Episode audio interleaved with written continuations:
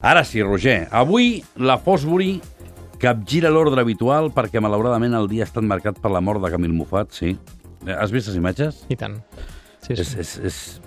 I ella ens ha ofert grans moments a la Fosbury al llarg de la seva carrera esportiva. Aviam, fem-li aquest homenatge. Sí, fem-li un, fem un homenatge, uh, avui que també hi ha hagut doncs, dia d'homenatge a Ovidi i altres, i altres personalitats, Mm. i malauradament no ens ha colpit aquesta notícia quan ho hem vist, perquè Camil Mofat era molt jove i a més havia tingut un talent incommensurable a la, a la piscina. S'havia retirat, recordem, a l'estiu de l'any passat i els que l'havíem seguit doncs, ens va ser molt greu perquè era una d'aquelles nedadores que agafava la directa ja pel carril 4 o 5 d'una piscina, tirava, tirava, tirava i ningú l'atrapava, si s'ho proposava doncs eh, allà estava al capdavant, a més en una prova doncs, que ha viscut segurament els millors anys de la seva història en aquests darrers anys, perquè hi ha hagut una competitivitat espectacular amb Pellegrini, la italiana, amb Mireia Belmonte ja una mica més tard, amb la mateixa Mofat. Ha estat una prova excel·lent amb Hosno, la, la hongaresa. Per tant, ens ha ofert un dels grans moments de l'esport dels darrers anys, Camil Mofat, i hem volgut triar aquest moment Fosbury en honor seu de la cursa espectacular que va fer als Jocs Olímpics de Londres, ara fa doncs, eh, pràcticament ja dos anys i mig, en què doncs, Camil Mofat va fer el rècord olímpic d'aquests 400 lliures i ho va fer de forma espectacular. Per tant,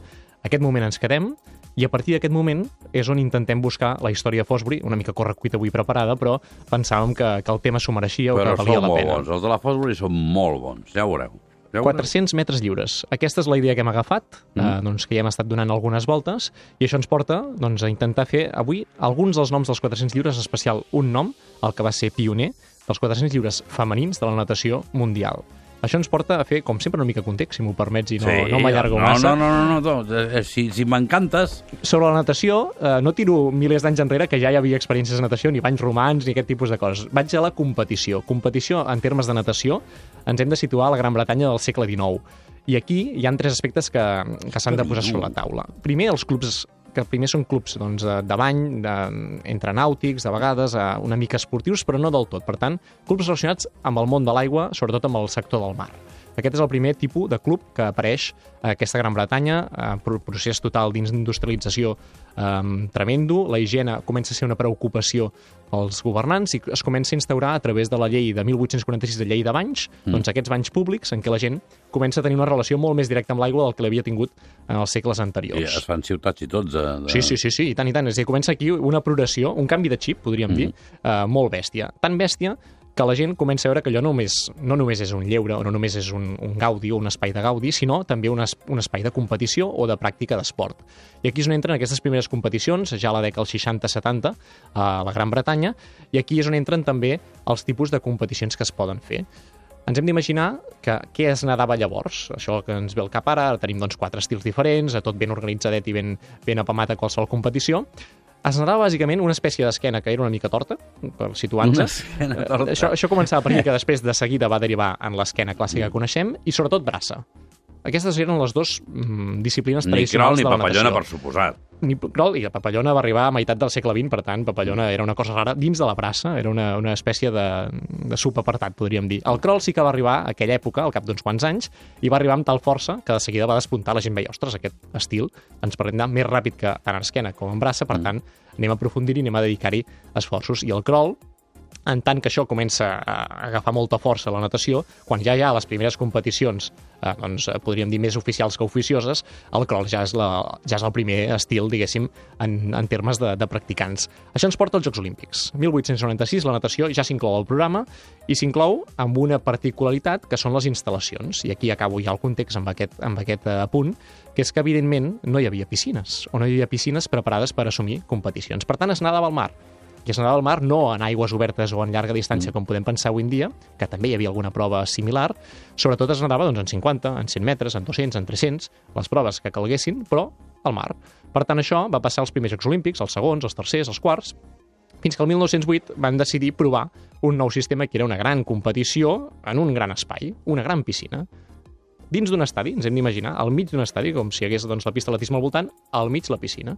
I aquesta idea trencadora eh, a Sant Louis doncs, va ser el primer cop d'efecte mundial de la natació. Dir, ostres, aquesta gent, molta gent veient a l'estadi in situ, van dir això s'ha d'intentar treballar i es van començar a crear moltes piscines arreu de, del territori. El 1912, als següents Jocs Olímpics, ja hi va haver doncs, aquests primers controls electrònics, eh, una piscina una mica més adequada ja normatives o les coses que s'anaven doncs, posant sobre la taula. La FINA ja havia nascut el 1908 i ja donava ordres. Per tant, la cosa, diguéssim, es va començar a posar a to. I va ser el 1912 que les dones van començar a competir en natació. I aquí és on entra el nostre protagonista d'avui, que es diu Ethelda Blaytry. Ella Ethelda. neix el 1902 a Waterford, als Estats Units, i és una persona que neix eh, en uns termes doncs, d'una família que duia una funerària, eh, vivia prou bé la família, mm amb, amb els ingressos que, que rebien. Als 6 anys doncs, va començar a aprendre a nedar en un llac, per tant, sabia nedar, però no el practicava, no era un esport que considerés que es pogués practicar. Què va passar? Que aquesta noia, als 15 anys, va patir una malaltia greu, la polio.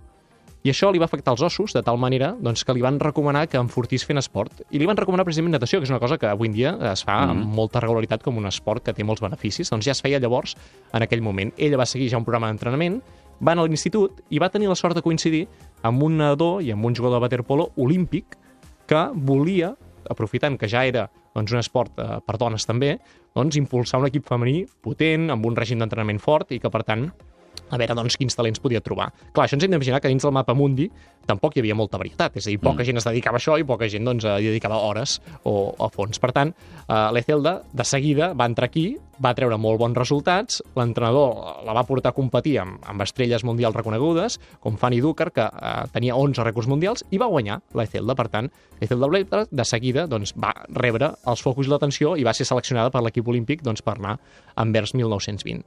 Què va passar amb això? Que va tenir una petita sanció, podríem dir, amb condicionants de nedar nua. Aquest era la sanció que va rebre el 1919, quan ja havia estat seleccionada per l'equip olímpic, i eh, si avui ho llegim en aquests termes pensem, ostres, vols dir?